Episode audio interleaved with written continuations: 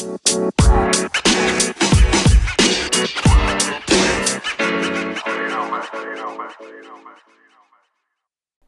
lo masih dengerin lagi podcast Kepo Kepo Kepo episode ke-65. Dan ini di seberang sana nih ada teman gue yang saya dibilang dia kalau gue baca caption Instagramnya dia melakukan sesuatu yang mungkin apa yang sesuai dengan passion dia, siapa yang dia suka gitu kan. Ini ada Valentin Salim. Halo Val. Halo, halo Mas Aris. Gimana kabarnya?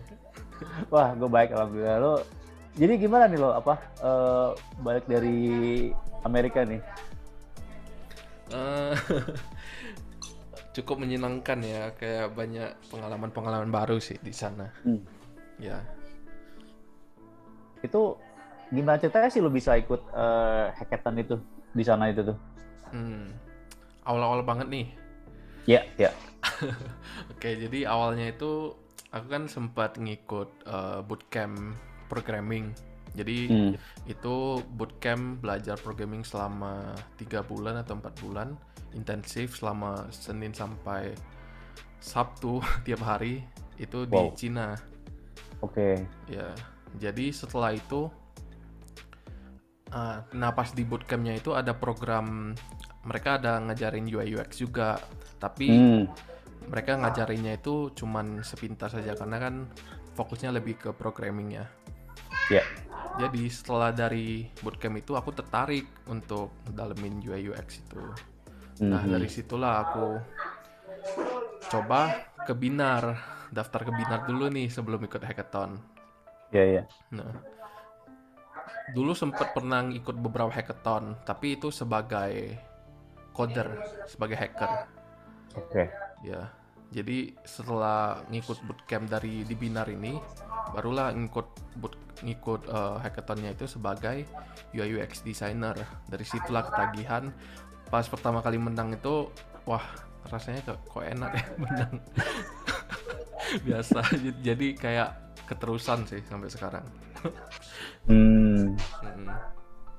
Terus kalau yang kemarin lo hackathon itu itu apa tuh maksudnya uh, oh yang apa ya lo ke sana emang emang hmm. lo emang ke sana emang uh, udah bawa udah bawa tab apa udah bawa uh, produk emang lo mau build atau emang dari dari sana hmm. sananya emang udah udah netapin oh lo mesti build ini nih gitu gimana oh kalau yang kemarin tuh bebas sih kita mau buatnya tapi untuk nge untuk diundang ke situnya yang susah jadi kita harus menjadi salah satu pemenang dari hackathon pilihan gitulah dari mm-hmm. US. Nah, salah satu hackathon yang pernah aku ikutin sebelumnya itu ini kerjasama sama mereka. Jadi kebetulan aku kan juara satu di situ, jadi keundang di situ. Oh. Produknya bebas sih, iya. Oh bebas. Kemarin lo apa itunya? Yang lo mobil apa tuh kemarin tuh? Yang di US. Iya, yang US. Nah. Oh, kemarin aku buildnya itu produk untuk ngebantu orang uh, Mas pernah dengar ini nggak kalau di YouTube YouTube tuh kayak ada binaural beats atau oh, iya. musik-musik yang orang pakai untuk relaksasi, fokus. Iya, ya, buat meditasi. Iya, iya, uh, gue tahu. Nah, hmm. nah, jadi kita ngebuat hardware yang oh. nge-produce uh, suara-suara binaural beats itu. Oh, menarik. Iya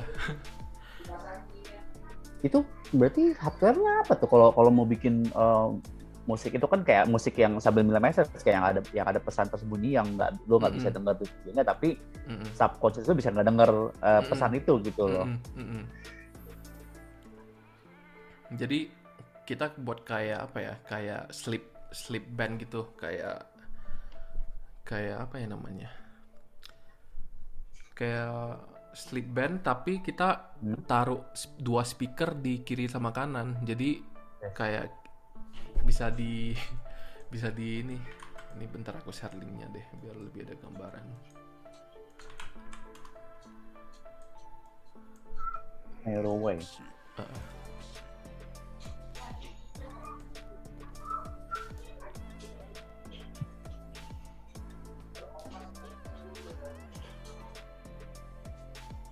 Neurostimulation headband.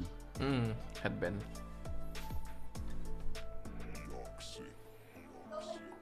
jadi kita ngeprogram uh, hmm. musiknya sendiri dan kita program uh, musiknya okay. uh. kan kan sebenarnya musik yang dibuat untuk misalnya untuk nge-produce kayak binaural beats itu yeah. itu iya. mereka pakai program. Hmm. Nah, kita buat kita program tapi yang ngebuat beda kita dari YouTube itu kita hmm. nge nge personalize gimana bilangnya oh. kayak apa ya kadang jadi frekuensi... user bisa bisa milih gitu ya bisa milih kayak dia mau mau pilih program mana gitu apa gimana ya itu bisa terus yang hmm. lebih ini kadang frekuensi suara yang kita dengar masing-masing hmm. itu beda kayak Mas Haris nih uh, eh, yeah. daya tangkap telinga Mas Haris mungkin range-nya dari segini sampai ke sini. Kan tiap orang beda-beda ya. Nah yeah. kita buat supaya binaural beats itu lebih optimal ke masing-masing orang. Oh jadi walaupun mungkin tiap orang punya daya tangkap frekuensi beda tapi ketika dengar ini mereka hmm. bisa bisa bisa punya bisa punya impact yang sama gitu ya? Lebih maksimal. Oh. Iya dan ini bentuknya ini ya apa headband ya apa iya headband Kayak, iya iya iya jadi lebih apa ya fleksibel juga kan iya benar-benar kalau pakai earphone apa pakai pakai earphone ribet kali ya makanya kenapa milihnya headband Pak? kalau headphone kalau misalnya pakai untuk tidur kan susah Iya, iya. Jadi bakal kecopot mulu kan. Mm-hmm. Jadi kita mhm. pikirnya pakai itu headband. Jadi apa tuh uh, pertimbangannya pakai headband apa tuh pertimbangannya? Iya karena karena kalau misalnya headset pakai tidur kan sering copot sendiri. Iya, iya.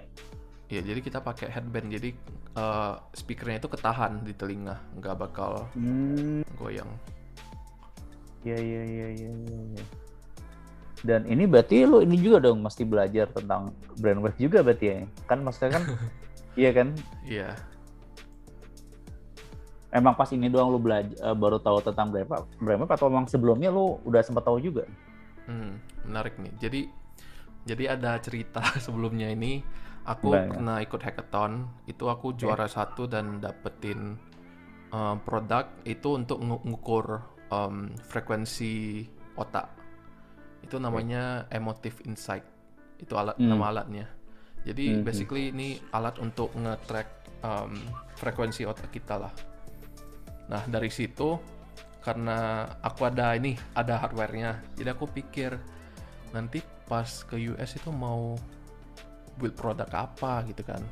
Yeah. Terus kebetulan temanku yang satunya lagi ini kan profesor, dia emang suka ngulik-ngulik hardware gitu kan terus yeah. aku bilang aku pernah dapat hadiah ini nih dari hackathon sebelumnya dia bilang hmm. wah gila jadi dia suruh aku bawa sih bawa ke US hmm. jadi kita bereksperimen lah di sana seru banget hmm. sih ini bener-bener apa ya pro project yang kalau dicek di project-project hackathon ini jarang banget orang yang ngulik di area ini jadi iya mungkin sih. bisa jadi pertama kali sih uh, jadi yang sebelumnya itu kayak ini apa? Kayak alat ini bisa kayak mengukur uh, ini orang lagi di frekuensi berapa gitu kalau mau otak gitu. Mm -mm. Jadi kita ngukurin uh, frekuensi otak yeah. manusia itu eh, ya tiap individu itu dari hmm. berapa ke berapa. Nah kita optimal optimas optimalin ke situ. Jadi misalnya mereka mau relax, mau fokus, mau tidur hmm. itu lebih mudah lagi, lebih optimal lagi. Oh. Mm-hmm. Karena dulu uh, gini sih Val, gue dulu maksudnya kan ya karena gue ngerti apa, gue gue juga lumayan paham soal ngomong otak dulu tuh kayak mm-hmm. Kayaknya dulu kan setahu gue setahu gue kan dulu kalau misalkan kalau mengukur lubang otak kan pakai alat EEG kan yang itu cuma dari rumah sakit kan. Kan nggak mungkin nih misalkan ini orang lagi lagi bisa kita pengaruh ya. Terus kita bawa EEG kita kita kita pasangin dia kan nggak mungkin. Dulu tuh kayak itu di tahun ya tahun sebelum tahun 2020 tuh kayak masih masih kayak nggak mungkin gitu. Eh ternyata ada alat ini oh ternyata make sense juga gitu loh. Hmm, udah ada alatnya G tapi emang cukup mahal sih alatnya iya. Yeah. karena ini apa ya ma ini ya namanya ini kan based on riset dan riset tuh pasti mahal sih biaya riset itu. Iya. Iya. Eh tapi enggak gua gua gua mau coba ke yang lain dulu. Hmm. Masih ada nggak sih orang yang salah mengira dengan nama lo? nama aku, nama Valen. iya, gue inget kan waktu di Biner, ya Mbak Valentin, aduh kok ini udah ini orang Biner, maksudnya masih sampai sekarang masih ada nggak yang salah mengira gitu? Sering, malah kalau misalnya setiap pesan Gojek, yeah. biasa kan GoFood kan gitu kan? Iya, yeah, iya. Yeah terus sampai ke rumah Bu Falnya ada waduh ah. Bu Fal tapi udah lama kelamaan udah biasa sih mungkin kalau yang baru yang emang baru kenal lo aja kali ya yang baru ketemu kayak masih salah ngira kali ya. Iya. Kalau kalau dulu tuh aku hmm? dipanggil kayak gitu marah banget. Iya. Tapi sekarang kayak udah udah bodo amat lah. Biasa aja. Padahal ya maksudnya juga apa sampai lo juga pernah nulis kan uh, gue lupa deh pokoknya di LinkedIn kalau nggak salah lo pernah nulis kalau nggak salah kan lo nggak lahir di bulan Februari dari tanggal 14 lah gitu iya Enggak itu itu karena ini sih karena be beberapa orang kayak kadang ngucapin happy birthday gitu di oh. 14 Februari. Disangkanya mau oh nih Pak Paul memang 14 Februari padahal yeah. mah ya itu cuma sekedar lama doang istilahnya. Iya.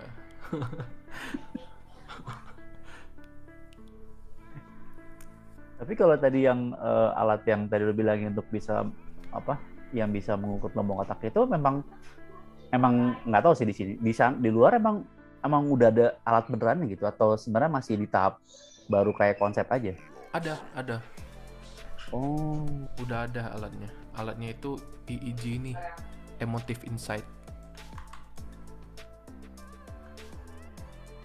Emotive Insight. Iya. Oke. Okay.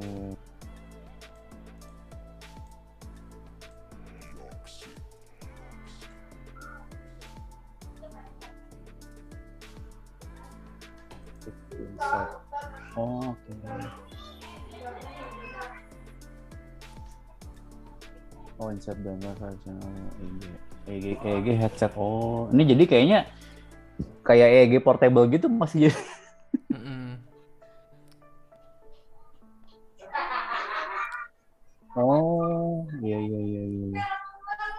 Kayak ini ya, kayak apa namanya? Kayak dia kayak apa ya kayak menyesuaikan dengan bentuk fisiologis kepala gitu ya muter gitu ya mm -hmm. yeah. hmm. tapi emang emang maksudnya apa ya memang kayak ketika lo uh, lo ikut hackathon terus lo apa namanya uh, lo nge-build uh, sebuah ide atau jadi produk yang emang terkait sama uh, hmm. gelombang otak memang itu emang ya cuman menurut lo kayak cuman ya udah berhenti di hackathon atau emang lo sebenarnya kayak penasaran pengen pengen mau ekspor lagi nih soal soal si gelombang otak ini? Hmm, mungkin ya, mungkin kalau yang gelombang otak ini menarik sih. Tapi belum belum sempat ngeksplor lagi sih kalau yang gelombang otak ini karena gini juga sih kalau kayak misalkan kayak kalau lo kalau di gue ya kalau di ilmu hipnoterapi kan hmm. kalau lo mau mempengaruhi orang itu kan lo mesti nurunin gomong otak dulu nah kalau hmm. kalau gue memang ada memang ada tekniknya teknik komunikasi tapi kalau hmm. misalkan kalau pakai alat oh dia udah udah di udah di udah misalkan udah di Alvan udah ternyata oh berarti kita bisa pengaruhin kalau gue tuh kayak susah gitu jadi kayak sebenarnya hmm. alat ini tuh jadi kayak lumayan ngebantu sebenarnya gitu loh I see I see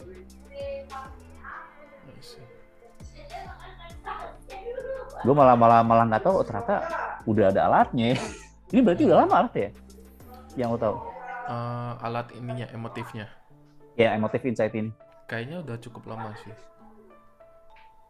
Cuman kayaknya di Indo nggak ada yang pakai sih kalau nggak tahu aku pernah kayak cek-cek di Tokped gitu nggak ada yang beli. Bahkan barangnya itu kayak mahal banget kalau di sini Nah, kalau di sana berarti orang pakai ini buat apa ya? Kalau yang lo tahu waktu waktu lo waktu stay yang lo tahu tuh. Untuk untuk research ya. Hmm. untuk research oh jadi emang buat kepentingan kepentingan emang penelitian ya bukan orang awam sembarang beli gitu ya kayaknya enggak sih kayaknya oh. enggak ya ya ya ya ya tapi kalau lo sendiri lo sejak kapan sih lo tertarik dengan yang berbau-berbau tech IT gitu lo? Kalau kalau tech IT sih udah udah lama sih emang dari setelah SMA aku udah pikiran kayak mau ngambil jurusannya apa gitu kan. Mm-hmm. Udah jelas sih kayak emang aku tertarik di dunia tech. Tapi dunia technya itu lebih yang mencampurin urusan desain Nah, aku suka tuh di bagian tengah-tengahnya antara teks sama desain.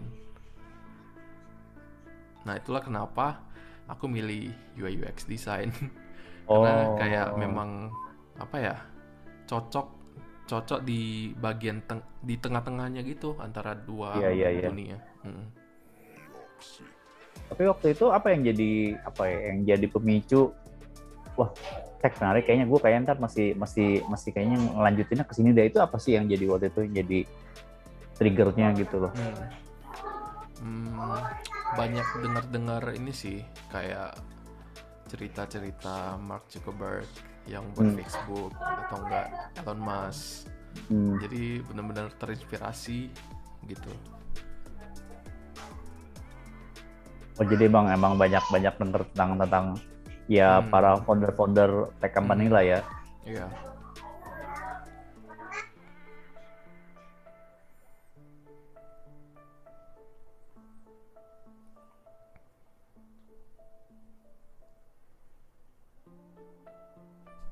Itu emang pas waktu itu emang lu udah emang udah tertarik di tech-nya aja tuh. Kenapa? Kalau yang apa? Pas tadi lu bilang apa? Uh, lu di triggernya yang pertama kali lu tadi lu lihat lu lihat apa uh, Mark Zuckerberg, Elon Musk, terus hmm. yang founder-founder tech itu emang baru tech aja atau emang udah mulai udah mulai uh, tertarik ke si desainnya juga gitu? Baru technya aja.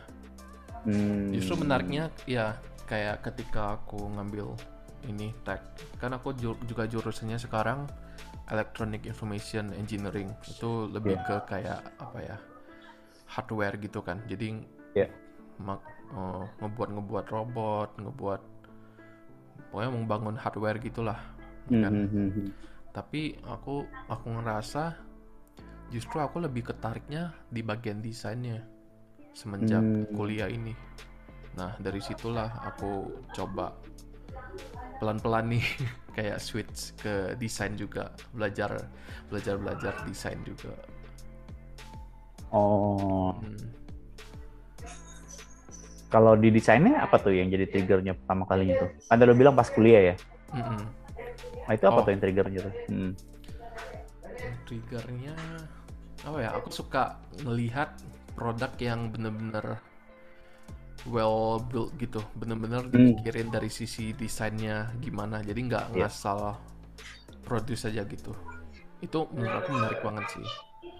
Dan cara-cara orang apa ya menggunakan design thinking untuk ngeproduce suatu produk yang benar-benar well built itu aku ini banget sih suka banget iya iya iya keren sih karena juga kalau buat kayak ukuran kayak uh, desain sebuah produk kan kita nggak bisa asalan main naruh button main ini kan pasti Bener. ada ada ada ada guideline-nya gitu kan ada iya, standarnya kan iya iya iya iya iya iya, iya. iya.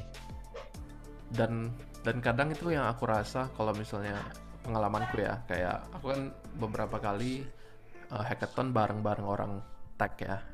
Yeah. Di di dalam pikiran mereka itu cara nge-solve produk sama cara desainer solve produk itu beda. Oke, okay, gimana tuh? Beda banget kayak apa ya? Kalau desainer itu, kalau desainer hmm? nge-solve produk itu bener kita mikir use case-nya gimana, um, gimana paling efektif uh, nge-solve problem ini kan misal terus kita kayak ngelakuin research jadi jadi produk yang benar-benar kita mau buat ini kita udah pikirin benar-benar. Yeah. nah, tapi da dari segi orang tech biasanya mereka lebih ke apa ya? Lebih mikirin kalau ini keren mereka mau mau build produk tersebut gitu hmm. hanya berda hanya berdasarkan dari kayak oh teknologi ini keren dia dia pengen pakai tapi kan kalau di real produk kan nggak bisa begitu kan kayak iya iya iya benar ya. harus research dulu apakah produk ini beneran ada yang mau nggak usernya maksudnya beneran dibutuhin user nggak yeah, yeah, terus yeah. beneran solve problemnya mereka nggak nah itu sih yeah, yeah. dan dan di hackathon ini aku belajar banyak sih kayak kadang uh, kadang kita kayak debat juga kayak dari sisi developernya gimana dari sisi iya. desainer yeah. jadi sering sering te sering debat juga sih kayak nggak cocok tapi terakhir ketemu jalan tengahnya nah itu yang kita build jalan tengahnya itu biasa yang bagus di tagnya juga bagus hmm. di use case-nya di bagian desainnya tapi kalau di kalau ngomongin jalan tengah itu nggak sih sampai harus uh, lo udah buat udah buat desain sampai karena jalan tengah supaya tagnya nanti gampang dibuild kayak ada beberapa elemen atau beberapa komponen yang mesti diganti gitu nggak sih atau bang lo tetap strike dengan oke okay, ini desainnya kayak gini gitu bagaimana? Hmm, biasanya kalau itu belum sampai ke desain sih masih ke okay. kayak um, ideation ya. Oh kayak ini apa uh, wireframe gitu-gitu ya? Uh -uh belum wireframe hmm. malahan ideation oh, oke okay. ya. jadi kayak misalnya nih kayak apa ya dari segi tagnya mereka mikirin wah produk ini bagus tapi setelah hmm. aku research research kayak produk ini nggak apa ya nggak cocok gitu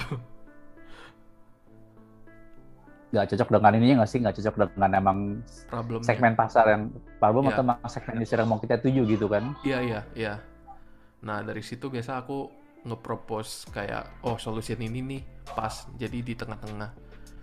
Jadi di sisi user uh, kebantu, tapi di sisi tech hmm. juga wow gitu.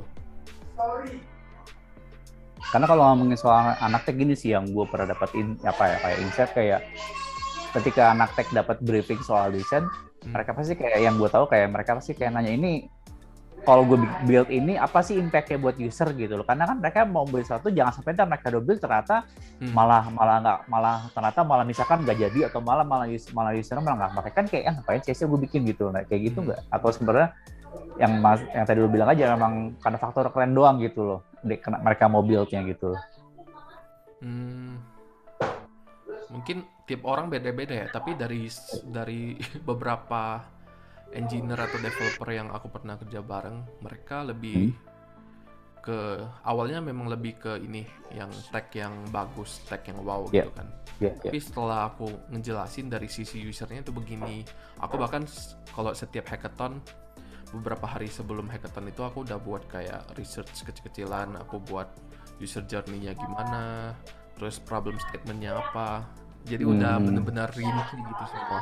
Jadi pas ke pas mereka baca itu mereka udah make sense oh ini soft ini soft problem apa ini ini fitur pertama ini untuk soft problem apa jadi benar udah apa ya udah di research gitu Iya, yeah.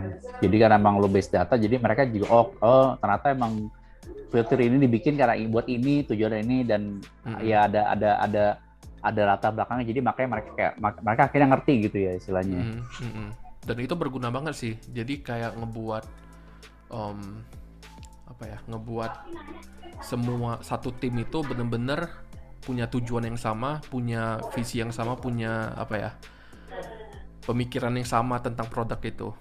Hmm. nah itu sulit tuh. Kalau misalnya pas hackathon misalnya kita nggak punya desainer misalnya kita cuma developer nah developer kan itu misalnya kerjanya masing-masing ya kan yeah, bisa yeah. aja mereka nggak punya pikiran yang sama jadi end up yeah.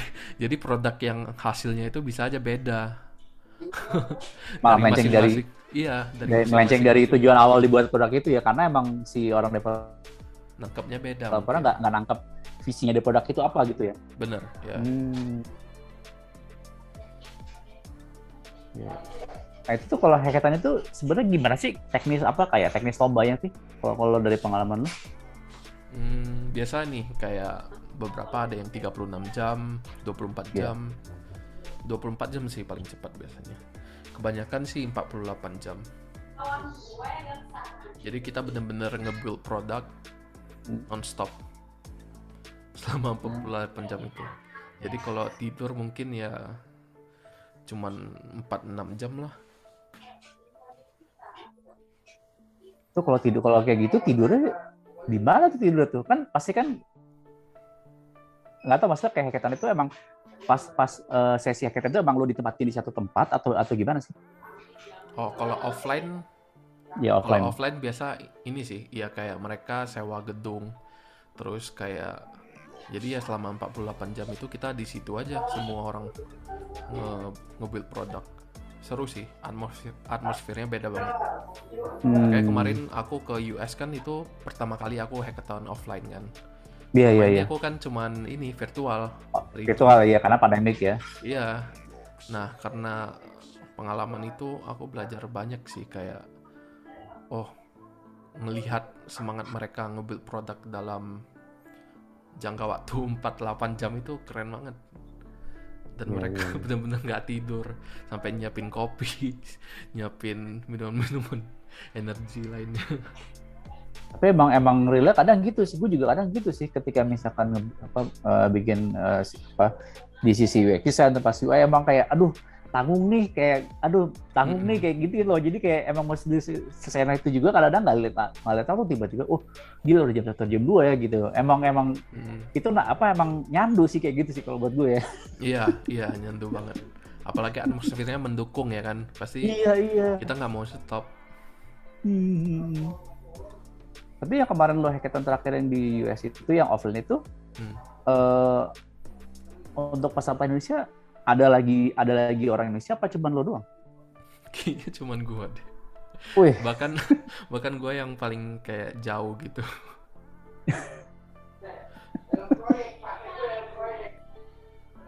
Naik pesawatnya aja kayak udah satu harian ke sana. Iya makanya gue pikir ah mungkin offline ya. Pas pas gue story lu, oh ternyata offline tuh benar ke sana. Tapi yeah. kok iya. kayak cepet banget gitu loh. Iya. Cuma tiga hari sih di situ. Hmm. Ya, ya. Sebenarnya aku kayak apa juga sih kayak ya. pas apply visanya itu hmm? juga kayak ah nggak mungkin keterima lah gitu. Iya iya iya. Jadi kayak nggak expect keterima sih, tapi coba aja, coba aja apply. Eh ternyata malah beruntung banget. Biasa kan orang orang kalau apply visa itu rata-rata bisa sampai empat bulanan, enam bulanan. Iya iya. Nah kebetulan aku pas apply itu ada yang cancel. Oh. Jadi aku beneran apply tujuh harinya huh? langsung dapet interview.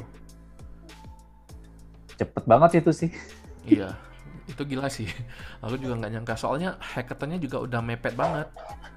Oh, iya, aku iya, apply-nya iya, iya. itu beneran dua minggu sebelum berangkat. Dan aku dapatnya karena beruntung ada yang cancel jadi tujuh hari. Hmm. itu interview dapat langsung besoknya langsung dikirim visanya paspornya. Gila bener, bener. Iya sih benar udah hoki banget emang rezeki lu dah tuh iya.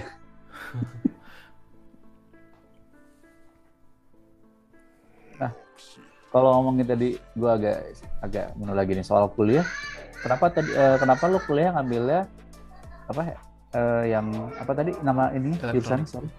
Elektronik apa? Information engineering. Information engineering. Nah kenapa lo uh, ngambilnya itu? Dan kenapa dapat dapatnya di luar deh mungkin nggak tahu di Indonesia ada atau nggak gue nggak tahu deh nah kenapa tuh?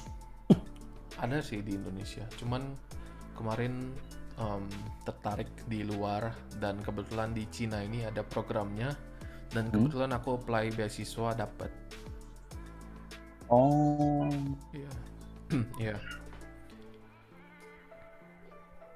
Yang lo bilang apa beasiswa Belt, Belt Road ya? Iya, yeah, Belt and Road. Belt and Road ya, ya, ya. Nah itu kenapa lo ngambil ngambil jurusan itu tuh? Hmm. Alasannya apa tuh waktu itu? Sebenarnya aku awalnya pengen ngambil ini programming, computer science. Iya. Yeah. Tapi yang ada pada saat itu ya, pada saat itu hardware yang hmm. yang elektronik ini. Tapi di kurikulumnya itu aku lihat juga ada belajar tentang CS computer science. Okay. nah jadi dari situlah aku bilang ya aku lihat juga dapat beasiswa. Ya udah ambil aja. Maksudnya dari maksudnya uh, pas kuliahnya kan juga bisa sambil-sambil belajar programming hmm. dan aku malah lihat sekarang banyak orang belajar programming itu kebanyakan otodidak sih daripada yang kuliah. Yang benar-benar kuliah. Iya iya iya yang otodidak malah jago-jago. Karena kalau yang kuliah itu apa ya beda mereka belajar programmingnya. Mereka lebih ke kayak algoritmanya untuk hmm. cara kerja programmingnya. Tapi kalau misalnya orang yang otodidak itu biasa dia lebih ke project base jadi ngebuat ngebuat app aplikasi ngebuat website. Dan aku lebih tertarik ke situ emang. Jadi gitulah. Terus jadi kalau lo ambil kuliah itu tuh belajar emang beneran bikin hardware untuk electronic product atau atau ada penerapan lain tuh? Iya jadi ini mungkin agak ini sih. Karena kan aku kemarin uh, semester berapa ya semester 4 semester 5 hmm. itu balik ke Indo kan gara-gara covid iya yeah, iya yeah. harusnya itu aku uh, tahun lalu sama tahun ini itu banyak project base gitu di lab. Hmm. Tapi semenjak ya gara-gara covid gini jadi nggak optimal sih. ya susah sih, nggak bisa nggak yeah. maksimal sih lo kalau mau eksperimen apa mau mobil sesuatu gitu kan. Uh -uh. Mereka mereka malah kayak gurunya ngasih video terus kita belajar online gitu kayak enggak banget sih. Kita masa kita buat buat hardware gitu belajar hmm. ininya dari video nggak bisa praktek iya sih. Lu jadi kayak bukan kayak lu kayak belajar otodidak jadinya ya. Iya.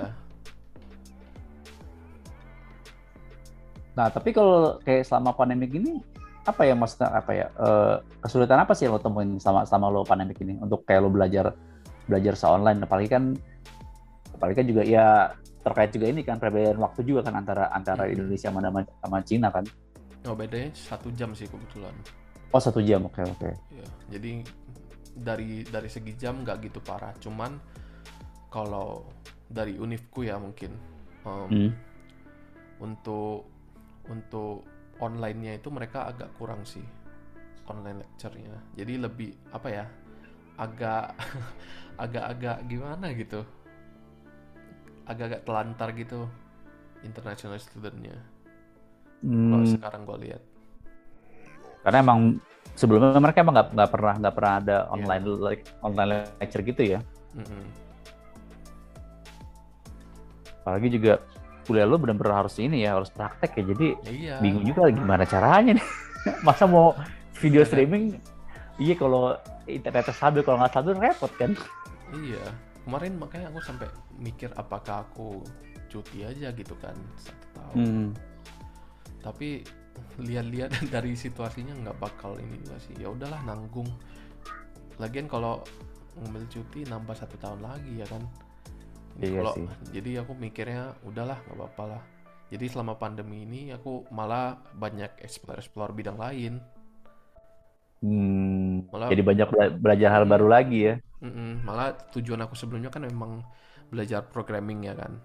Mm-hmm. Malah uh, pas pandemi ini malah ada waktunya untuk ngambil bootcamp. Mm. Terus aku juga nge-explore UI UX design. Jadi bener-bener apa ya? Malah aku bilang pandemi ini bener-bener produktif sih kalau aku. Lebih produktif iya, karena jadi, daripada kuliah iya. Iya iya iya. Kuliah kuliah maksudnya kayak lu mengalami banyak keterbatasan secara teknis lah ya. Mm -mm. selain tadi programming UX berarti selama pandemik lu apa aja tuh yang lu, lu apa ya belajar yang lu pelajarin tuh hal-hal barunya? Hmm. jadi aku ngambil programming terus UI UX design hmm. sekarang aku lagi nyari-nyari ini sih course untuk PM. oh oke, okay. iya iya iya iya. Jadi bis, jadi bisa ini, jadi bisa relate gitu kan.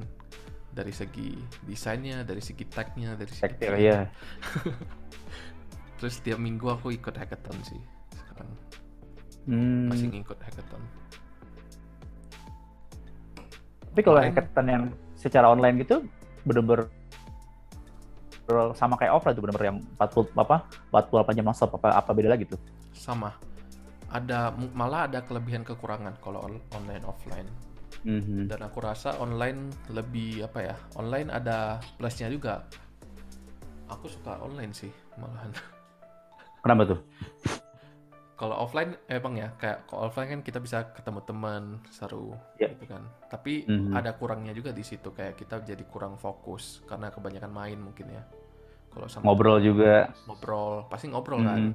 kalau iya iya iya kalau online aku rasa lebih apa ya lebih tertata rapi jadi kita buat biasa kita buat kayak jadwal jadwal gitu kita jam segini udah harus achieve apa jam segini kita harus udah siap apa menurut aku oh. lebih bahkan lebih apa ya lebih tertata rapi lebih organize gitulah kalau online kita bisa jadi nggak ada gangguan nggak ada gangguan jadi nggak ada gangguan juga jadinya lo ya ketika lo lagi ngerjain ya mm-hmm. tapi kelemahan kalau online itu beda waktunya sih kan US sama Indo itu beda waktunya 12 ah, itu. lumayan tuh beda waktu itu jadi aku seringnya malah ini aktifnya di malam hari nggak tidur. Oh. pagi tidur. Lo jadinya apa uh, ngantuknya di siang segernya di malam. Iya. Tapi mau gimana seru sih ikut hackathon. Iya iya iya, iya, iya. kayak kemarin juga tuh, huh? apa? Kenapa tuh? Iya lanjut aja tuh lanjut lah kenapa tuh kayak kemarin? Oh kemarin aku baru ngikut uh, hack Harvard dari Harvard hmm. University. Itu mereka nginvite uh, speakernya itu keren-keren kayak ada ini ya kakaknya Mark Zuckerberg. Oke. Okay. Dia beneran mereka yang ini, mereka yang ngasih seminar hmm. online. Lewat seminar tentang apa tuh? Kemarin kalau si kakaknya uh, Mark Zuckerberg ini kan dia lebih ke intersection antara tech sama bisnis ya kalau nggak salah. Jadi dia okay bisnis atau desain gitulah jadi dia mm-hmm. ini sih nyeritain pengalamannya sama motivasi orang-orangnya. Motivasi gitulah seru sih. Jadi modelnya kayak webinar webinar gitu ya? Mm-hmm.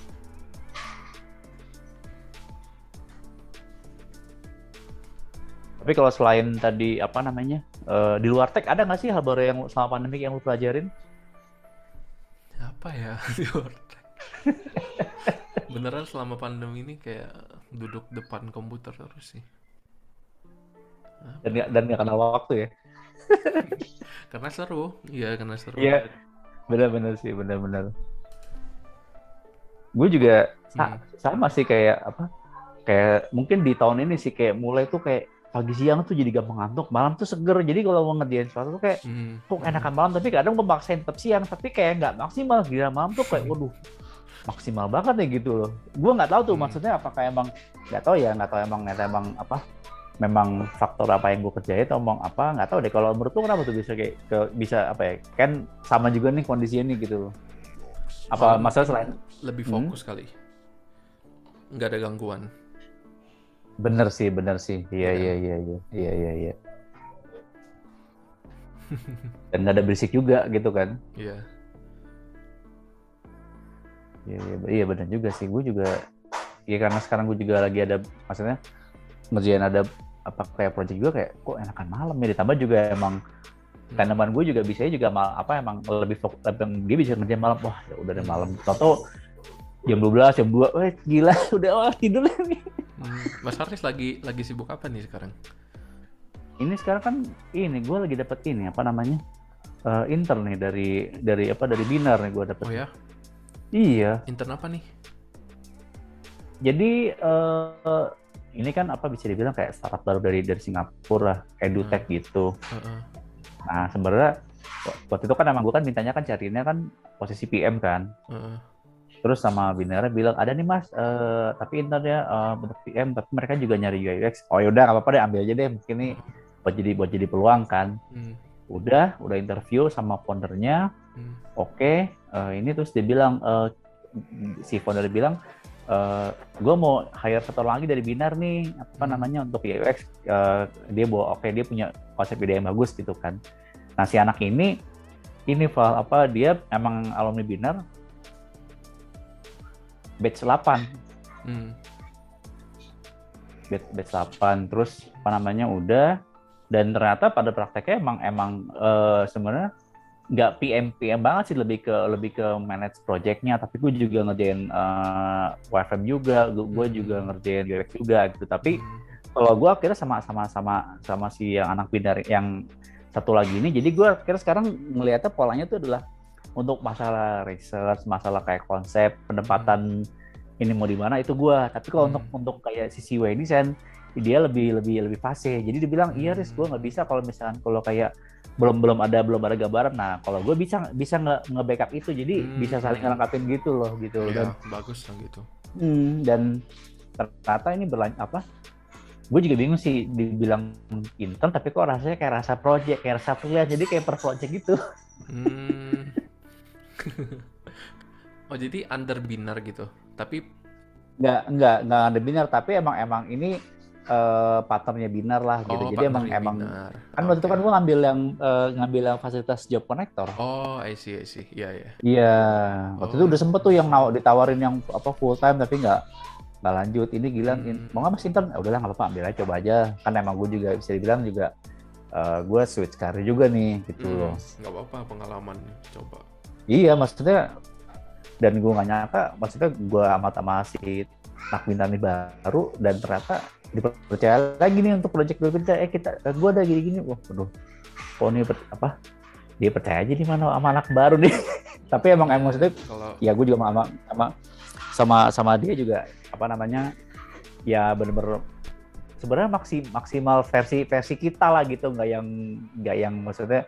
Beda lah kalau yang beda ya emang yang udah udah pengalaman gue kan misalnya baru tapi kayak emang mau ngekspor lah gitu loh jadi hmm, kayak hmm. kemarin tiba-tiba apa uh, dari founder bilang e, kayaknya untuk ini ini deh apa namanya dibikin kayak Tinder aja bikin swipe card. Waduh, gimana caranya? Akhirnya gue cari-cari-cari, ketemulah cara. Jadi apa namanya ketemu ketemu. Uh, jadi emang ada satu fitur emang itu kan modelnya kayak quiz tapi uh, swipe card kayak kayak Tinder tapi di prototipe uh, pengennya tuh bisa swipe kan? Waduh gimana caranya nih kan? Hmm. gue googling googling eh, gue googling cari tutorial ketemu. Oh ternyata bisa. Oh gini caranya. Jadi pas di nyoba di prototype bisa di swipe kiri kanan. Tadinya gue pikir kayaknya nggak bisa di dua-duanya. Ternyata bisa. Jadi kayak bener-bener gue jadi pas project ini bener-bener banyak belajar banyak hal banget gitu loh secara hmm. secara tekniknya gitu. Sama juga jadi secara ini juga lah secara apa gimana manage project gimana misalkan bagi tugas. Gitu waduh banyak banget gimana bagi tugas? Oke. Okay. hmm gimana gimana deal dealannya kayak gitu gitu sih Val. Terjun ke lapangannya langsung emang lebih belajar banyak sih biasanya. Iya iya iya iya iya. Kayak apa yang dibaca kayak aduh udah nggak nggak udah kayak aduh nggak sempet ya mbak buka buka reading material lagi nih langsung aja udah deh.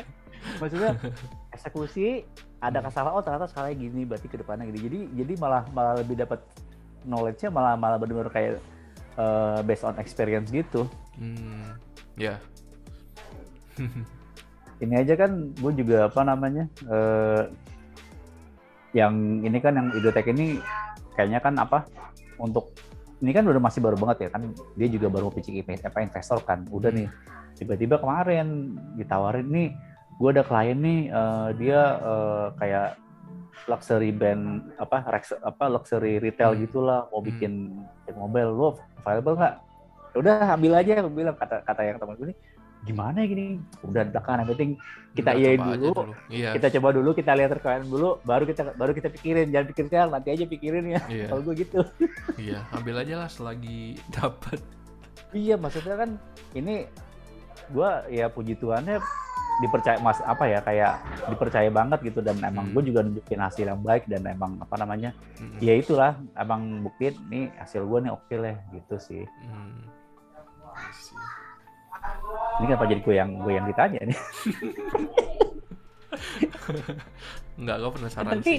Penasaran. Lu, oh salah dia ya apa? Lu masih ini gak sih masih suka uh, merekam lo lagi nyanyi gak sih? Udah enggak. Kenapa? enggak sekarang. Apa ya? Kalau nyanyi itu benar hobi terus pas lagi ada moodnya aja. Hmm. hmm. Ya, sekarang itu mungkin lagi enggak mood. Lagi lagi sibuk dengan heket-heketan ya? iya mungkin ya.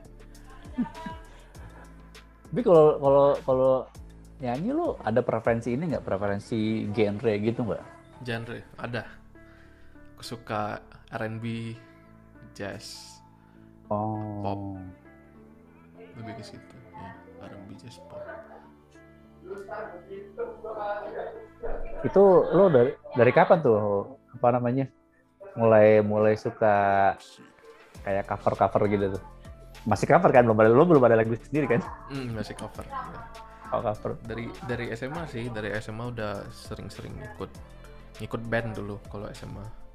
Oh. Ikut band, sempet tampil juga di pensi gitu-gitu. Hmm. Terus ya udah ikut. Tapi semenjak kuliah di Cina ini agak kurang sih. Karena apa ya? Aku juga belum fasih banget ya bahasa Mandarin. Yeah, iya. Terus yeah. mereka itu bener-bener kalau yang ngikut paduan suaranya itu orang Cina semua belum ada orang internya oh jadi belum berani sih kemarin ada temanku sih ada orang Indo juga yang ikut. Cuman karena dia masih di situ masih bisa ikut. Cuma aku udah pulang ke Indo. Temanku itu berani banget sih dia nggak pulang. Dia masih di Cina sampai sekarang dari awal pandemi.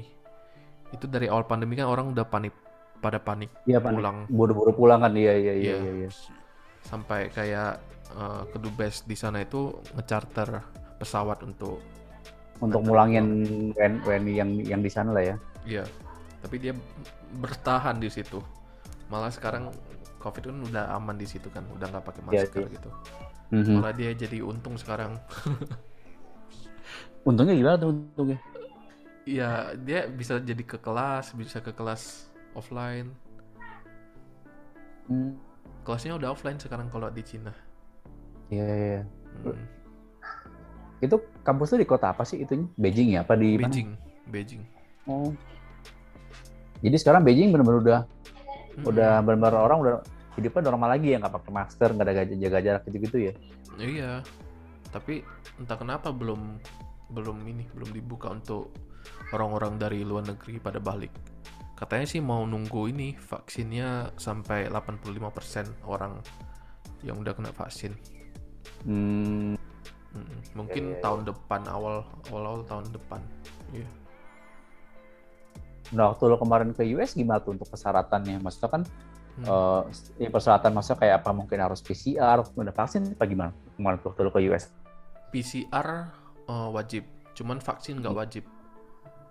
Oh aku malah kaget kan ih kok kok nggak harus vaksin gitu kan kira yeah, yeah, vaksin yeah. ternyata nggak mereka cuman yang penting sebelum ke US-nya itu tiga hmm. hari sebelum vaksin eh hmm. sebelum tiga hari sebelum itu PCR ya yeah. jadi kita udah ada hasilnya kita print kita pas di bandaranya itu kita ngasih lihat hmm.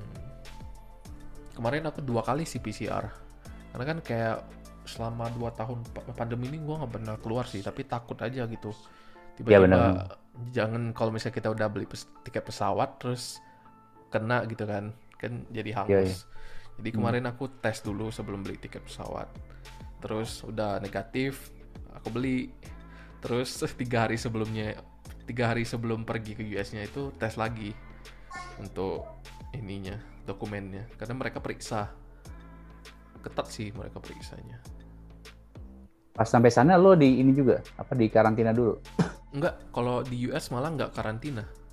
Oh. Iya. mereka kayak santai banget sih kalau gue lihat. mereka nggak karantina, mereka nggak harus vaksin. Di sana bahkan udah nggak pakai masker. Udah kayak normal aja kayak nggak ada kayak yeah, sebelum yeah. pandemi gitu ya. Jadi gue pas di sana itu benar-benar kayak kembali ke masa-masa dulu sebelum COVID. Iya iya iya. iya. Oke, kayak pengalaman apa ya itu? Kayak balik-balik ke masa lalu gitu. Seru sih. Uh, kita nggak pakai masker kita keluar keluar ya ya mau ke mana juga bebas gitu kan nggak perlu nggak iya. perlu di apa cek suhu atau segala macamnya mm -mm, mm -mm. bahkan nggak nggak cek suhu sekalipun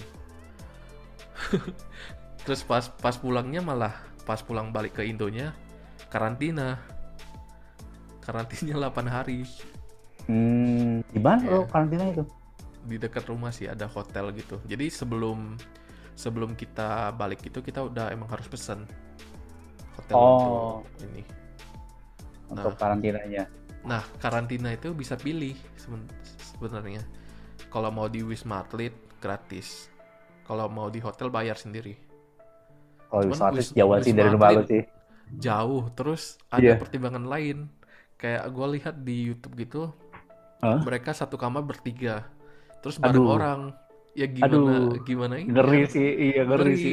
Daripada gue iya, kena iya. COVID, mending. Iya iya. iya biayanya mahal mendingan, lagi mendingan, COVID. mendingan lo inilah mendingan lo bela-belain lo uh, iya, bayar hotel udah bayar gitu hotel. bisa deket rumah lagi kan iya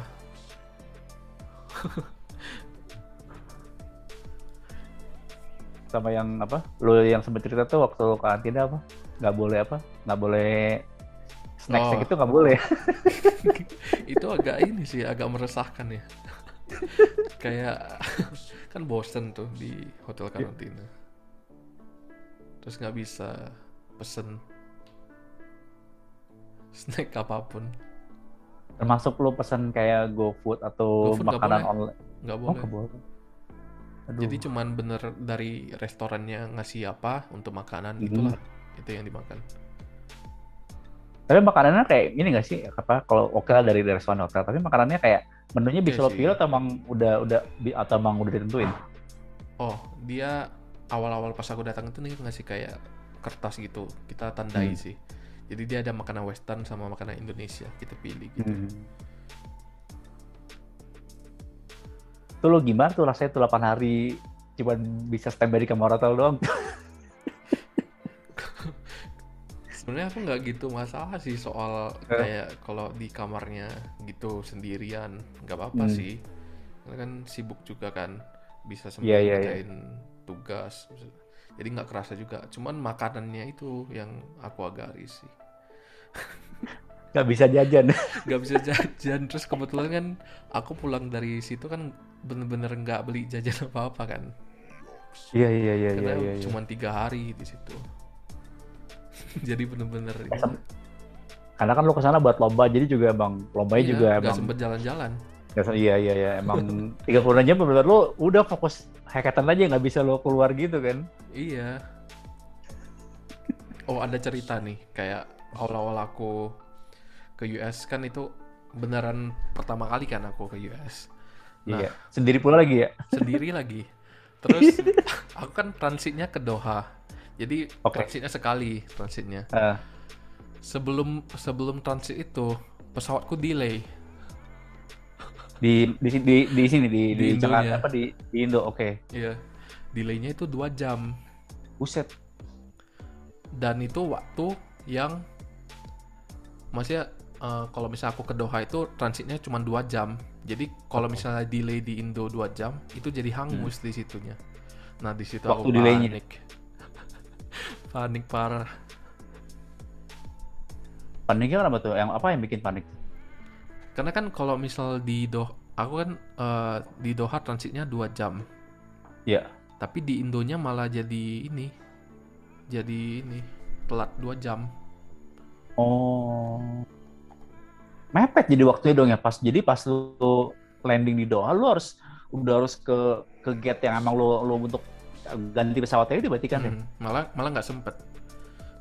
nah di situ aku panik sih wah gimana ini pertama kali kan sendiri lagi ternyata ternyata kalau misalnya kayak gitu nggak usah panik mereka bakal hmm. nyari uh, flight selanjutnya yang kita kita bisa ikut oh dari maskapainya itu ya uh -uh. jadi selama di Doha itu aku nunggu 6 jaman lu landing di, di Doha jam berapa emang jam berapa ya bahkan bisa sampai nggak inget jam soalnya kan beda jam juga kan di Dohanya jam berapa di Indonesia jam berapa iya. jadi udah bener-bener yeah. nggak nggak perhatiin jam lagi malam apa malam apa apa udah malam apa masih masih terang gitu pas lo sampai Kayak di Doha malam itu? deh kayak malam cuman cuman nggak nggak bisa lihat keluar karena kan Doha itu Hmm. luas banget kan Iya iya iya. Semua tertutup jadi nggak tahu luarnya itu pagi atau malam jadi sampai sana 6 jam itu bener-bener aku explore airportnya semua jalan malah jadi jalan-jalan sih Jalan-jalan. Tapi cuman bisa di area-area bandara aja nggak bisa keluar ya. Iya. Aku nyobain makan makanan Doha, nyobain lihat-lihat store-nya keren-keren juga. Cuma makanannya agak aneh sih. Anehnya. Kayak rasanya itu kayak apa ya? Nggak pernah aku Iya itu makan. itu itu Heeh. apa? Kadang apa namanya emang lo makan dari di luar tuh belum tentu emang cocok Hmm. dengan lidah lo karena lo mungkin mungkin ya di sini mungkin biasa makan gurih-gurih ketika ke sana lo makan yang plain kayak ini apa sih gitu kan. Mm, mm, mm, mm. Itu berasa banget sih, kayak makanan di Indo itu bener rasanya mantap.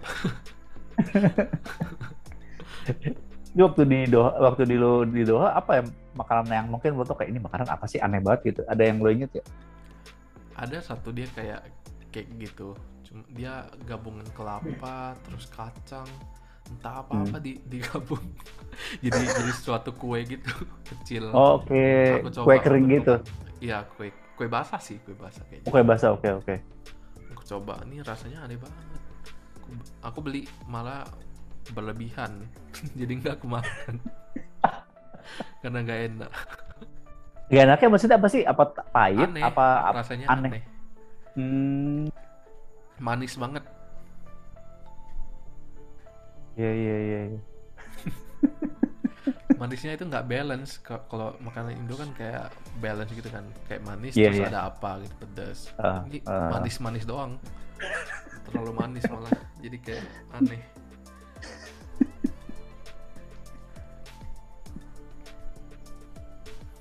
Nah malah Kalau- malah aku gimana? hoki sih kayak Ah. kalau misalnya aku nggak delay nih awalnya Hmm. itu harusnya aku dari Indo ke Amerika itu 20 20 berapa jam ya 26 jam di pesawat Oke. Hmm. tapi karena delay nah jadi lamanya itu cuman di di transitnya itu di pesawatnya itu udah nggak lama lagi Oh. Jadi lumayan lah daripada aku di pesawat kan lama Iya, mending iya, aku iya, di Dohanya explore Tapi lo pas lo apa namanya? eh, jeda lo pas nyampe di eh tadi 6 jam lo ya dap- baru dapat itu ya? Apa baru dapat eh, flight berikutnya pas di Doha ya? iya Hmm. Nah, kalau pas lu di hackathon itu, ya apa ya? Ada pengalaman menarik apa sih? Atau emang ada hal apa yang emang kayak mungkin kayak ya cuma lu bisa temui di sana lah selain lu tadi cerita soal lu 36 jam, ah, 36 jam atau 40 jam cuman lomba doang gitu loh. Hmm. Yang paling aku seneng kalau kalau hackathon offline tuh ketemu temen kan. Jadi Iya. selama setahun ini kan aku udah setim sama timku yang sekarang ini. Iya. Dua tahunan atau setahunan setengah gitu bener-bener virtual. Mhm. Jadi pas di sana itu bener-bener ketemu itu gimana sih rasanya? Kayak apa ya? Akhirnya, akhirnya kita ketemu gitu kan terus seru banget sih seru banget kita banyak explore tempat-tempat lain kita juga makan di luar Mhm. seru banget sih kayak pengalaman mungkin pengalaman kalau dari segi kompetisi online bagus cuman Ya. kalau dari segi off dari segi offline juga ada kelebihannya kita bisa ketemu teman have fun Tapi ketika lo akhirnya ketemu sama sama teman-teman lo yang sebelumnya cuma virtual, lo pas ketemu gimana tuh? Apakah Hmm, bisa langsung woi atau Bisa. emang atau emang bisa, bisa. langsung aku malah Bisa pikirnya langsung. kayak bakal awkward gitu kan Nah itu ya, gue juga mikirnya gitu. gitu. ternyata enggak ternyata enggak beneran orang yang aku selama selama virtual ini ngobrol Hmm. orangnya sama sama maksudnya enggak enggak canggung enggak enggak, enggak awkward jadi kayak aku kan pas sampai US juga di pick up kan mereka kayak sewa mobil gitu beneran ya, langsung ya. di dijemput langsung ke hotel hmm. itu beneran mereka ramah-ramah banget sih mereka baik banget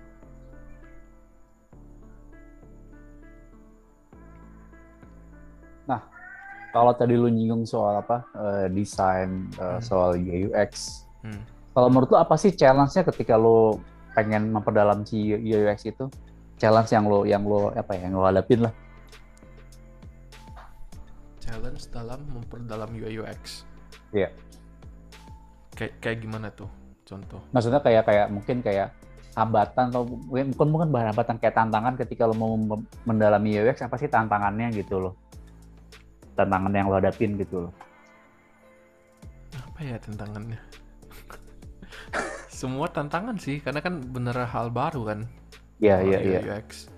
Jadi emang semua tantangan tapi bisa dilalui gitu. Hmm. hmm. Contohnya apa tuh tantangannya? Apa hambat? Mungkin ada tantangan atau hambatan lah ataupun itulah sebutannya. Hmm. Di UI UX ya? Ya. Mungkin kemarin pas pas kita setim itu ya pengalaman setim itu. Kalau dari dari situ sih aku ngambilnya kayak apa ya kerjasama bareng tim itu penting hmm. penting banget dan kita nggak bisa kerja sendiri tuh di situ sisi perfectionist lo masih ini banget ya masih masih yeah. apa ya masih berapi-api tuh ya iya bener aku nggak bisa kayak apa ya kalau misalnya aku tahu sesuatu hal terus hmm? karena demi kepentingan bersama aku nggak ngomong itu apa ya jadi nggak enak ntar jadi mending aku ngomong walaupun meskipun agak kurang enak gitu tapi yang penting aku yeah, iya, ngomong yeah. dulu. Yang penting tercurahkan gitulah karena kan kita sama-sama mau yang terbaik gitu kan untuk produk iya iya iya. Iya gue inget sih ketika kita lagi bersama tiba-tiba lu bilang eh aku ada ini. Wah ini apa lagi ini? Penasaran nih apa nih? Hmm, iya bisa tiba-tiba gitu aku. Iya iya iya iya. Itu lu lu tuh lu tuh lu cukup sering kayak gitu tuh. Kalau iya. kita pas lagi ngerjain bareng lagi bersama karena tuh eh aku ada ide nih oh. Tapi oh oke okay, boleh juga nih bener nih gitu. Maksudnya lo bisa bisa bisa melihat sesuatu yang emang yang gua ataupun teman-teman lain nggak bisa lihat gitu loh. Hmm. nah itu emang emang lo lo maksudnya ketika ketika yang lain ataupun gua lagi ngerti itu apa emang lo diem sambil apa lo diem sambil ngamatin atau atau gimana tuh? Tiba-tiba lo tek eh ada ide nih gitu gitu iya aku orangnya observer sebenarnya. Hmm. jadi biasa aku diam jadi aku uh, sambil mikir sambil mikir biasanya. Kalau misalnya ada ide muncul tiba-tiba ya aku bilang. Itu udah jadi khas lo gitu kayak eh aku ada ini wah itu udah. Tapi seru sih di Minar kita setim. Kayak bener-bener kita setim itu apa ya aku rasanya bener-bener mau belajar gitu Iya. Bener-bener mau achieve hmm. something big gitu. Bukan yang cuman ngikut bootcamp gitu aja. Pasti beda. Hmm. Pasti beda feelingnya kalau kita cuman ngikut bootcamp gak ada drive-nya itu pasti beda. Yang gua rasa itu ketika kita Steam itu sama Wiro Sableng kemarin bener-bener yeah. semua itu pengen belajar. Pengen gua belajar, setuju. pengen bener-bener produknya yang paling bagus gitu. Iya, iya dan bener dan motivasi kayak kalau kan mungkin nggak tahu lo merhatiin gue gue merhatiin juga kayaknya ada nih beberapa teman kita dulu waktu kita di binar yang kayak gue kayaknya motivasi belajarnya kayak kurang ada yang ternyata dia ngilang kayak apa hmm, dan nggak apa kurang beda-beda terus maksudnya pas gue malu sama yang lain sama si Reval sama Nadia sama uh, Dianda sama uh, Fania jadi hmm. tim terus ini hmm. kok enak ini ya kayak maksudnya iya, kita udah iya. on apa langsung langsung sefrekuensi langsung enak yeah. gitu loh proses kita ngerjainnya gitu loh. Mm-hmm. Itu loh kalau misalnya ketemu orang yang tepat di waktu yang tepat. iya iya. Dan dan ini juga sih Val maksudnya nggak tahu deh uh, apa yang apa yang uh, lo dapet di binar itu kepake nggak ketika lo ketika lo mungkin ikut uh, hackathon atau lo dapet project? Hmm, menarik nih pertanyaannya. Kepake, kepake banget mungkin kepakainya nggak full ya karena kan hackathon yeah. itu kita cuman dikasih waktu 36 jam itu kan bukan cuman untuk semua desain juga harus dipakai yeah. untuk tag-nya juga kan tag-nya untuk codingnya segala macam hmm. jadi biasa gue nyuri waktu tiga hari sebelum gitu sih untuk hmm. ngedesain nge-research nah dari nge-researchnya itu apa ya aku belajar banyak sih dari Biner cara nge-researchnya dari uh, design thinkingnya gitu yeah, tapi yeah. sampai sekarang baru baru design thinking sih yang aku pakai metodenya hmm. hmm. -hmm. jadi oh, akhirnya lo sebagai sebagai hmm. desainer juga mau nggak mau lu harus harus research ya dulu mungkin yeah. kayak ya udah gue desainnya tapi kan ternyata lu juga yeah. mesti research juga kan gitu kan nah itu itu benar-benar ngebuka pemikiran aku dulu banget sih dulu aku ngikut UI UX itu mikirnya hmm. Oh aku belajar desain nih di binar ya yeah, iya yeah, iya yeah. tapi ketika kita udah ini kita juga belajar research nah itu aku hmm. kebuka banget sih oh ternyata nge-solve problem itu kita nggak ngasal solve kita bener-bener yeah. mikirin uh, apakah dia efisien dan bener dan kadang problem yang kita solve itu belum ke root problem problemnya itu nah itu kita yeah. harus mikir lagi kayak bener-bener dari akar-akar problemnya itu apa? Nah itu, itu berguna banget sih. Bahasanya kita jangan langsung buru-buru jam solusi tapi kita harus deep lagi dengan problemnya kan. Takut takutnya iya. kita temukan oh, ini kayak problem belum tentu. Ternyata ada ada yang lebih core lagi kan yang ini. Ternyata mm -hmm. emang yang yang emang yang pain pointnya si user gitu kan. Iya.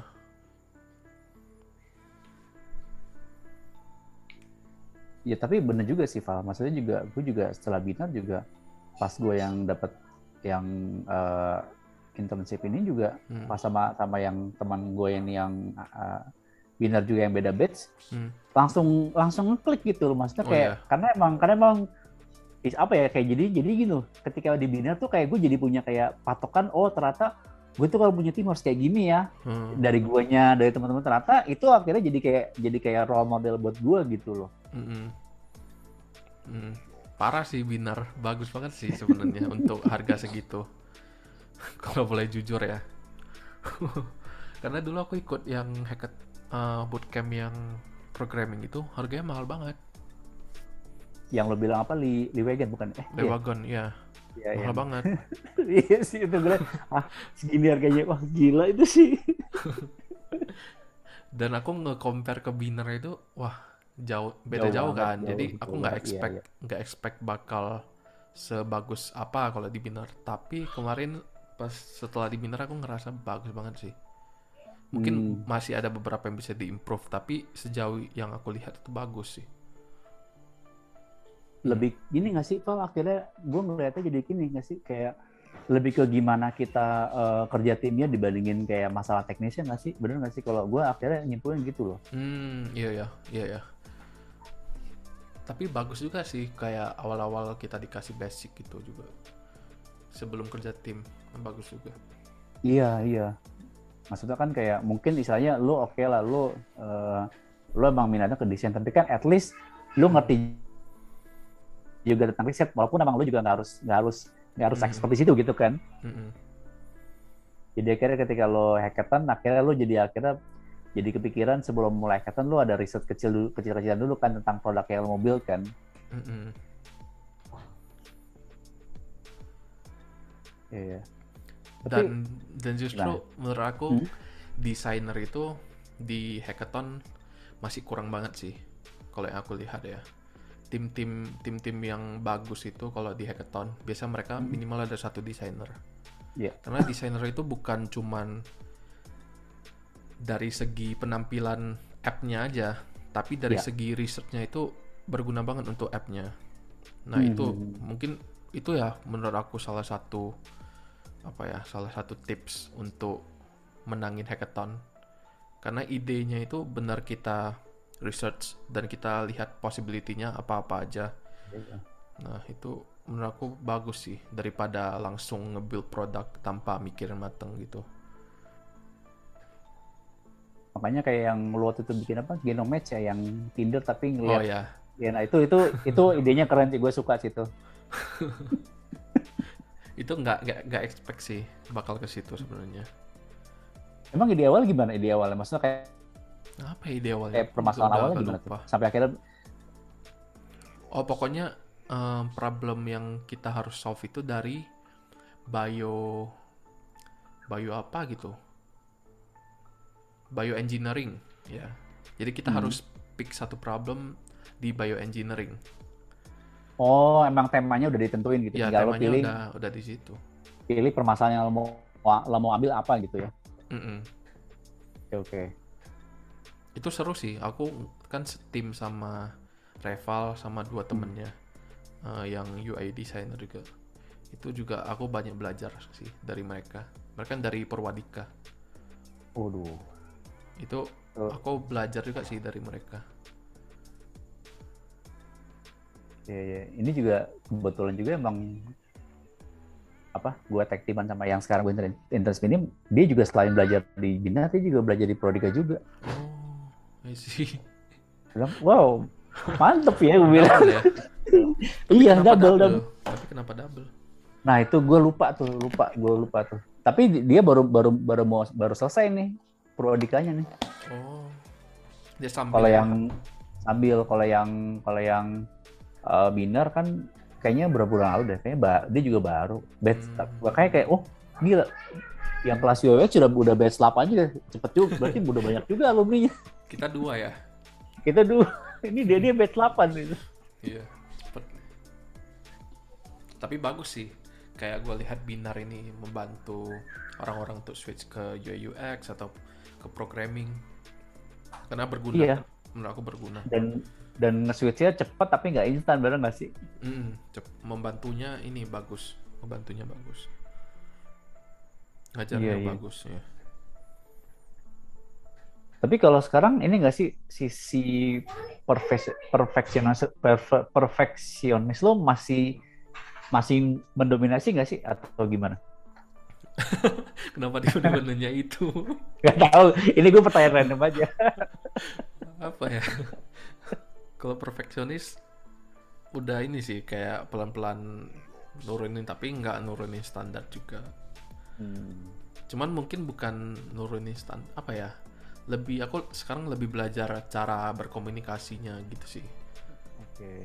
Mungkin kita punya ide kan tapi hmm. kadang komunikasi kita salah jadi orang tangkapnya salah itu aku pikir. Jadi sekarang lebih mikir cara cara komunikasi sama timnya gitu gimana ya gitulah.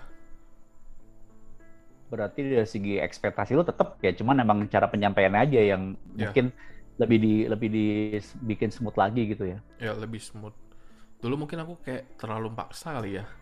Kayak kalau misalnya hmm. aku ada ide ini harus harus harus diriku yeah, yang yeah, diambil. yeah, yeah. itu menurut aku nggak bagus juga sih sementara kan lo kerja tim gitu kan. Iya kerja tim. Dan dan ya ini gue bukan kita bukan mau promosi benar abang pasti benar abang kita belajar belajar itu ya gimana gimana gimana komunikasi enak dalam satu tim itu kan. Iya. Komunikasi itu penting banget sih kalau di tim.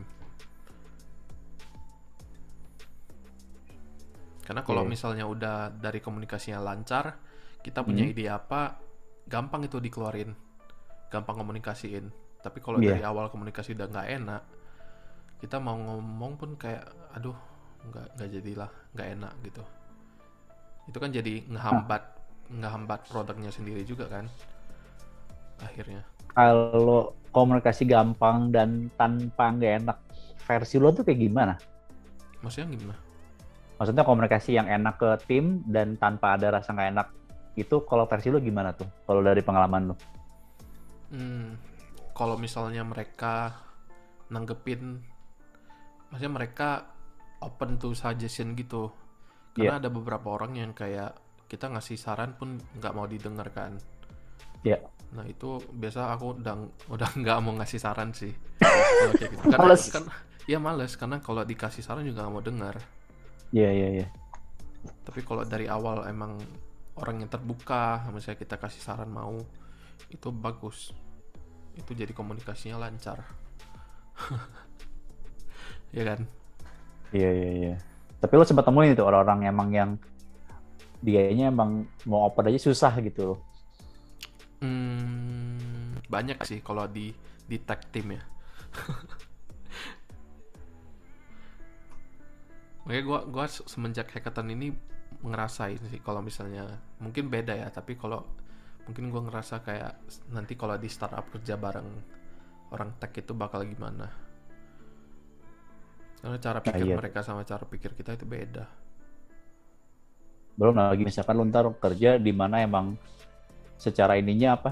Secara ininya beda negara lah istilahnya gitu kan. Hmm, technya orang mana. Nah itu kan lagi. kan culture beda. Lah itu tuh kayak waduh adjustnya itu PR lagi tuh. Iya tapi tantangan bagus sih itu harusnya. Iya. Yeah. karena kan dari dari culture yang beda itu kita punya masing-masing pemikiran beda kan. Nah, itu iya, bisa yeah, yeah, yeah. lebih luas lagi ini problem solvingnya. Karena orang-orang masing punya pendapat beda-beda. Ya, tapi kalau soal culture gini juga sih. Maksudnya ini sedikit apa ya kayak jadi kayak pengalaman gue juga waktu gue maksudnya ngerjain gue sekarang nih yang project ini nih hmm. apa ya ketika gue lagi meeting sama si founder kayak gue tuh kalau mau nyela omongan dia apa ya kayak tiba-tiba gue punya dia terus gue langsung ngomong gitu itu kayak dia tuh nggak masalah gitu oh oh bisa kayak gini hmm. tapi gila, mungkin kalau ke orang Indonesia mungkin belum tentu gue bisa kayak gitu gitu loh kayak hmm. jadi kayak sama dia kayak gue jadi terbiasa kayak hmm. eh ayah dia gini gini gini gue jadi kayak oh dia langsung langsung langsung dengerin bilang oh oh bisa kayak gini gue pikir gue pikir kayak nggak nggak sopan ternyata untuk mungkin untuk untuk western apa west culture mungkin tuh nggak apa-apa. Kalau mungkin di east culture mungkin yang masalah ya, gitu. Loh iya penyesuaian lah masih penyesuaian. Iya.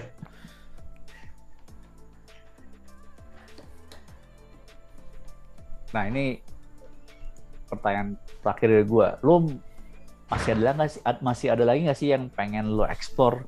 Selain tadi yang lo udah sebutin gitu yang mungkin kayak yang apa ya yang emang lu udah pengen explore tapi kayak mungkin secara waktunya, secara momennya mungkin belum belum kesampaian, belum sempet gitu.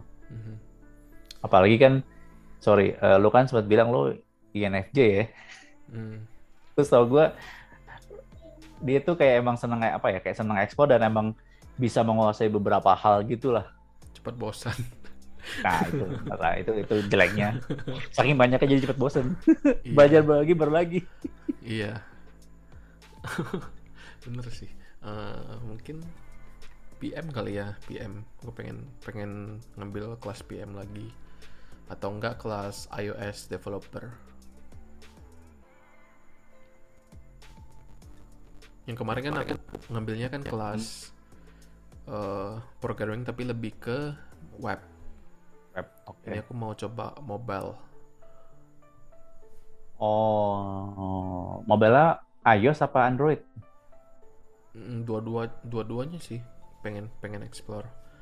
Terus pengen PM juga PM juga pengen sih. Ya ya ya ya, ya. tapi aku nggak tahu PM kalau kalau belajar di bootcamp itu belajar apa ya? Apakah lebih ke ini sih apa? Lebih ke sisi bisnisnya sih Val. Sisi bisnisnya sisi tapi lu juga uh, belajar customer journey juga terus gimana lo ini tentang persona terus gimana lo uh, apa mengolah data jadi sebuah untuk untuk jadi decision. Terus gimana lo komunikasi ke stakeholder lebih ke situ sih. Benar-benar lebih ke manajemen banget sih sebenarnya sih. Jadi kayak oh. di Sentek itu kayak cuman berapa persen tapi at least kita ngerti. Kayak ngerti ngerti ketika ngomong sama sama sama orang tech sama desain sama ketika ngerti ini juga buzzwordnya juga jargon-jargonnya gitu loh. Soalnya apa kayak istilah-istilahnya kita ngerti. Jadi kalau pas ngobrol tuh nyambung gitu loh. Hmm, I see Oh berarti kita belajar UI UX juga tapi nggak terlalu dalam tapi atau dalam bisnis side-nya ya. Iya bahkan emang oh.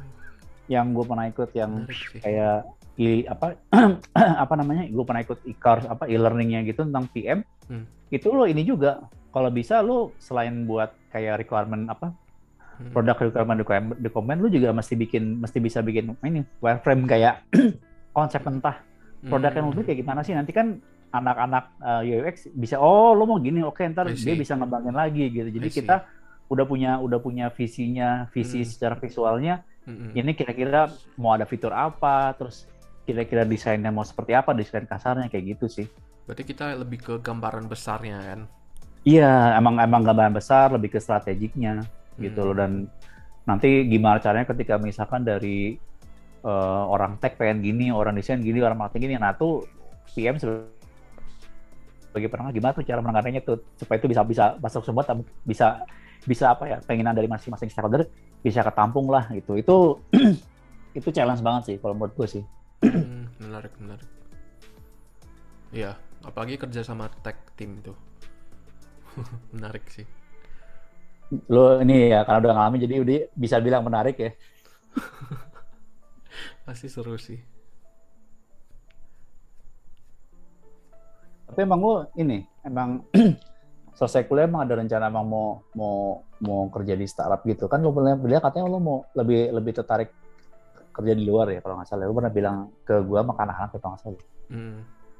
Ya pengen pengen coba di luar sih. Mungkin setahun dua tahun. Terus kalau misal pengen masih pengen master ambil. Tapi kalau emang nggak guna, ya udah langsung kerja aja. Takutnya kalau misal ngam, langsung ngambil master itu kayak apa ya kurang pengalaman di lapangannya beda ntar kan Ya, Jadi ya, mending bener kita di lapangan dulu, kita tahu apa yang kita mau, kita, apa yang kita butuh gitu.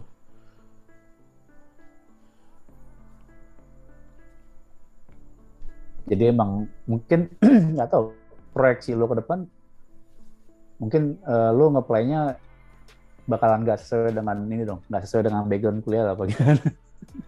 Oh untuk kerjanya? Iya.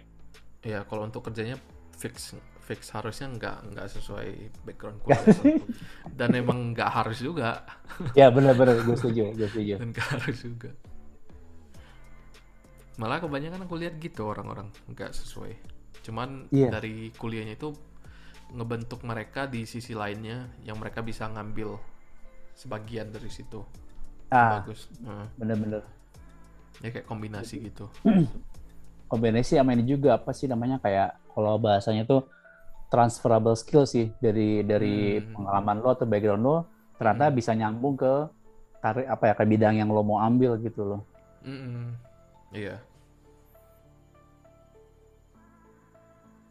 Perspektifnya yeah. kan juga beda itu kan kayak misalnya aku dari engineering. Hmm. Perspektif hmm. aku dari orang engineering terus yang masuk ke desain pasti beda.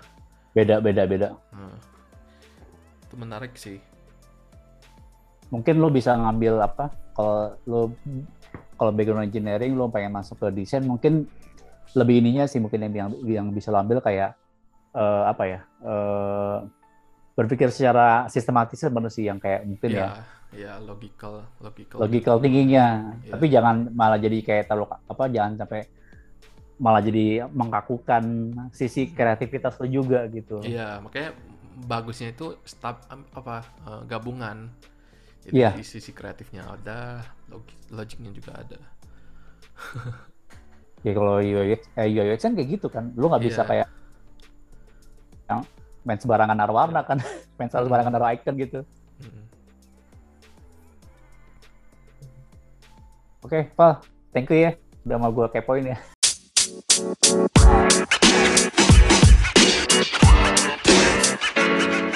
man. You know, man.